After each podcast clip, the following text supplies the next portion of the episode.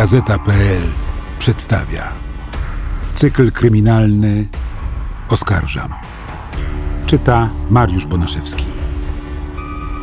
Odcinek 14. Helena Kowalik. Poszukiwany samochód widmo. Rozjeżdżał ludzi, bo film mu się urwał. Prokuratura nie ma wątpliwości, że 26-letni Jarosław K. celowo wjeżdżał samochodem w spacerujących w lesie ludzi i stawia trzy zarzuty usiłowania zabójstwa. On twierdzi, że nic nie pamięta. Właśnie rozpoczął się jego proces. 8 września 2022 roku wieczór. Zuzanna siedzi ze swoim chłopakiem Bartoszem na leśnej polanie koło Starej Miłosnej. Robi się chłodno, rozpalili właśnie małe ognisko. Cicho, romantycznie, tylko z pobliskiego rancza dochodziło rżenie koni. Nagle na leśnej dróżce pojawia się rozpędzony samochód marki Chrysler Voyager.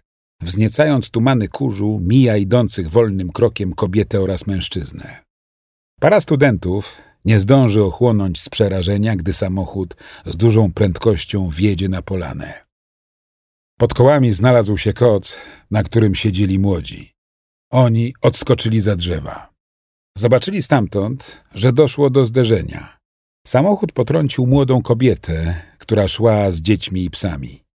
Krzyk, huk, spacerowiczka spadła na maskę samochodu, a po przejechaniu około 30 metrów osunęła się na drogę. Świadkowie zdarzenia podbiegli z pomocą. Ktoś krzyczał, aby ofiary nie ruszać, może mieć zgruchotane kości. Ktoś inny odciągnął nieprzytomną kobietę w głąb lasu, bo samochód widmo z zaciemnionymi szybami i rozbitym przodem zawrócił i rozpędzał się w kierunku leżącej na drodze. Miał zdjęte tablice rejestracyjne i otwarte boczne drzwi. Bartosz zadzwonił na 112, przyjechało pogotowie. W tym czasie koleżanka potrąconej Moniki tuliła jej siedmioletniego syna, który głośno płakał, przekonany, że jego mama nie żyje. Trzeba też było odnaleźć psy, spanikowane uciekły w głąb lasu i tam się zagubiły. Ostrzeżenia w internecie. Siostra Zuzanny opisała tragiczny incydent na portalach społecznościowych. Wielu mieszkańców Wesołej wpadło w panikę. Okolice rancza są ulubionym miejscem spacerów. Do oglądania koni ciągną dzieci, starsze idą tam bez opiekunów. W internecie narastała panika. Ktoś widział ten samochód z przyciemnionymi szybami w Milanówku, ktoś inny na parkingu w szkole dla niepełnosprawnych. Pojawiła się informacja, że taki pojazd w Sulejówku rozjechał pieszego. Uważajcie, ostrzegano. Ten człowiek celowo pakuje się między ludzi. Internauci mobilizowali się do prowadzenia własnego śledztwa, obserwacji ulic i stacji paliw. Szaleniec po tankowaniu musi zapłacić, więc pokaże twarz. Do dzielnicowych wpływały telefoniczne prośby o zwiększenie patroli, zwłaszcza w miejscach, gdzie są dzieci. Nie próżnowały organy ścigania. Ale było to jak szukanie igły w stogu siana, bo samochód pirata nie miał tablic rejestracyjnych, a nagrania z monitorujących kamer na uliczkach wokół lasu okazały się bardzo słabej jakości. Spenetrowano adresy właścicieli samochodów marki Chrysler Voyager w okolicy i tym tropem policja pojawiła się na podwórku mieszkańca Mińska Mazowieckiego. Powiedział, że 7 września zaprowadził swój samochód z uszkodzonymi zderzakami do swojego kolegi Jarosława K. Pracują razem w magazynie jednego z marketów. K jest z zawodu mechanikiem samochodowym. Nie ma warsztatu, ale po znajomości wykonuje drobne naprawy. Nazajutrz zatelefonowała matka mechanika, zmartwiona, bo jadąc przez las, syn zderzył się z sarną i jest uszkodzona przednia szyba. Uzgodnili, że sprawca naprawi szkodę. Mam syndrom DDA. Okazało się, że 26-letni Jarosław K ma bogatą kartotekę karną. Kilka razy stawał przed sądem, gdyż w stanie nietrzeźwym prowadził samochód i spowodował wypadek. Szczęśliwie nikt nie zginął i wyrok ograniczył się do grzywny albo warunkowego umorzenia. Powtarzało się to coraz częściej, ostatnio z roku na rok. W grudniu 2019 roku K został skazany na cztery miesiące pozbawienia wolności dożywotni zakaz prowadzenia pojazdów i 10 tysięcy złotych świadczenia na rzecz Funduszu Pomocy Pokrzywdzonym oraz Pomocy Postpenitencjarnej. Jarosław K. opowiada, że w dniu zdarzenia poszedł do rodziców, aby na ich posesji naprawić samochód kolegi. Nim się tam pojawił, wypił trzy piwa, na podwórku kolejne. Włączył głośno muzykę, zapalił papierosa i go zmogło. Pamięta, że wsiadł do samochodu. Wydaje mu się, mam taki obraz, mówi, że jechał w stronę Warszawy. Nie wyklucza, że po drodze wypił jeszcze jedno piwo. Nie pamięta, co wydarzyło się potem i jak wrócił do rodziców, aby zostawić na ich podwórku samochód. Przejechał w tym stanie 25 kilometrów. Na drugi dzień zobaczył uszkodzenie maski i stłuczoną przednią szybę. Zastanawiał się, co mogło być przyczyną. Nic nie pamiętał. Ale po rozmowie z żoną umówił się do psychologa, żeby porozmawiać, co się dzieje w jego głowie. Był w tym gabinecie kilka godzin przed zatrzymaniem. Usłyszał, że jego problemy biorą się stąd, że jego ojciec ostro pił i on obecnie cierpi na DDA, syndrom dziecka alkoholika.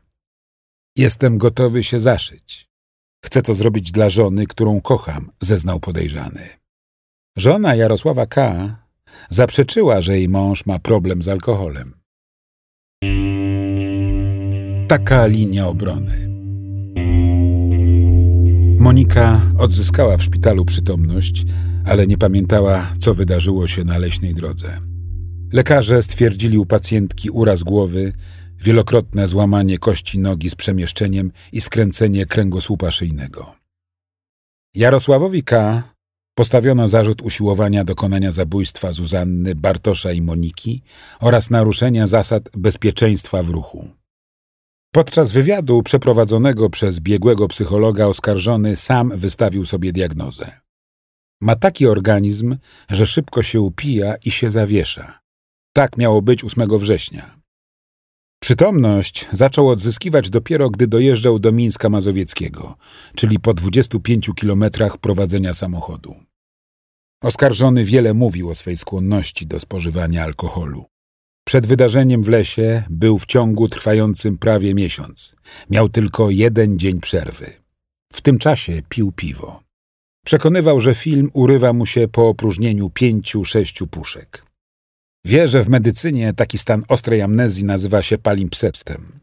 Nie zdziwiłby się, gdyby w takich okolicznościach wydano mu żółte papiery. Linię obrony oskarżonego podtrzymywała jego żona. Czasie ponownego przesłuchania już nie twierdziła, że mąż stroni od alkoholu. Przeciwnie, jest uzależniony. Trzy miesiące przed szaleńczą jazdą w lesie miał próbować targnąć się na swoje życie. Wracali samochodem, mimo dożywotniego zakazu prowadzenia pojazdów, z wieczoru kawalerskiego. Kłócili się i Jarosław K. otworzył drzwi. Chciał wyskoczyć. Trzymała go za kurtkę, on się wyrywał, ostatecznie dopiął swego, przekoziołkował przez barierkę mostu i z wysokości kilkudziesięciu metrów wylądował w krzakach. Nic mu się nie stało. Wcześniej, po alkoholowym zamroczeniu, podcinał sobie żyły. A raczej straszył otoczenie, bo nie było konieczności zszywania. Biegli psychiatrzy i psycholodzy stwierdzili, że pacjent nie jest chory psychicznie. Jego poziom inteligencji mieści się w granicach normy. Jeśli rzeczywiście doznawał po alkoholu ostrej amnezji, powinien wziąć pod uwagę taką reakcję swego organizmu. Koszty powrotu do zdrowia. Adwokat oskarżonego zakwestionował opinię biegłych, że siadając za kierownicę, jego klient mógł przewidzieć skutki wypicia alkoholu. Mecenas domagał się nowej oceny psychiatryczno-psychologicznej w celu obiektywnego ustalenia przebiegu zdarzenia. Wątpliwości obrońcy budził fakt, że w toku postępowania świadkowie opisywali w internecie, jak również podawali w swoich zeznaniach, że kierowca samochodu miał śniadą cerę. Jarosław K. ma jasną karnację. Może zatem kto inny był piratem.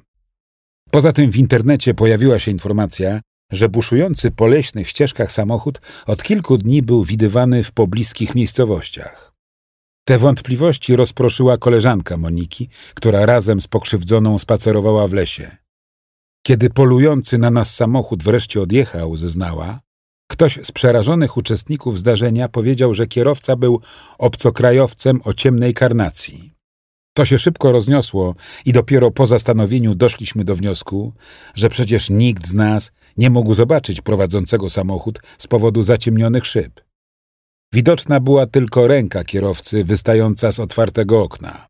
Ta ręka w promieniach zachodzącego słońca wyglądała na brązową, ale to był tylko efekt świetlny. Natomiast fałszywe wieści o pojawieniu się samochodu widma w różnych miejscach trzeba tłumaczyć narastającą paniką internautów. Na pierwszej rozprawie w Sądzie Okręgowym dla Warszawy Pragi w składzie sędziowskim Tomasz Kosiński i Agnieszka Wilk, oskarżycielka posiłkowa nieobecnej, bo nadal leczącej się Moniki, przedstawiła stan zdrowotny pokrzywdzonej.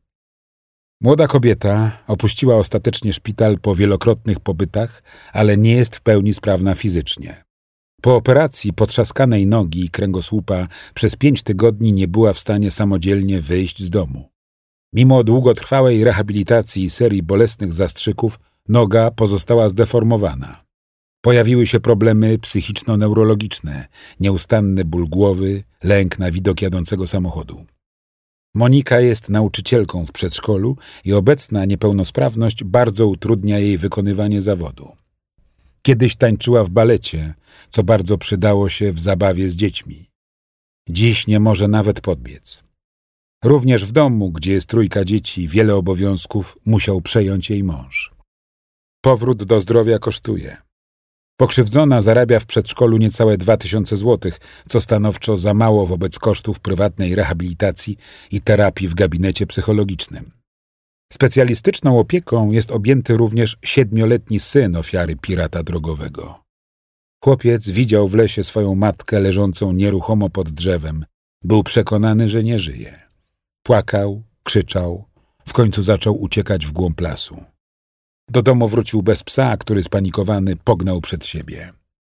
Teraz chłopiec dostaje drgawek na sam widok śladów opon na piaszczystej drodze.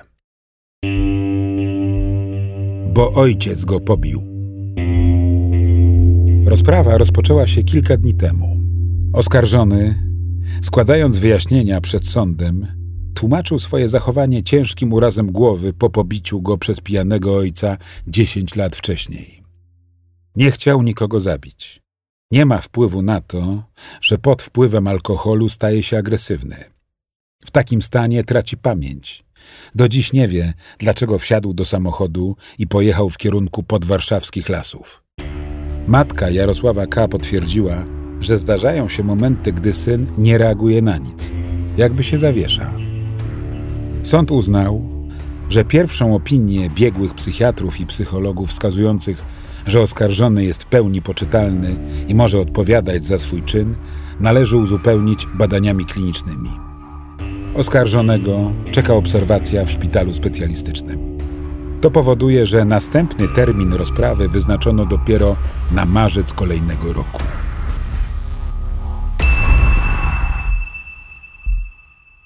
Czytał Mariusz Bonaszewski.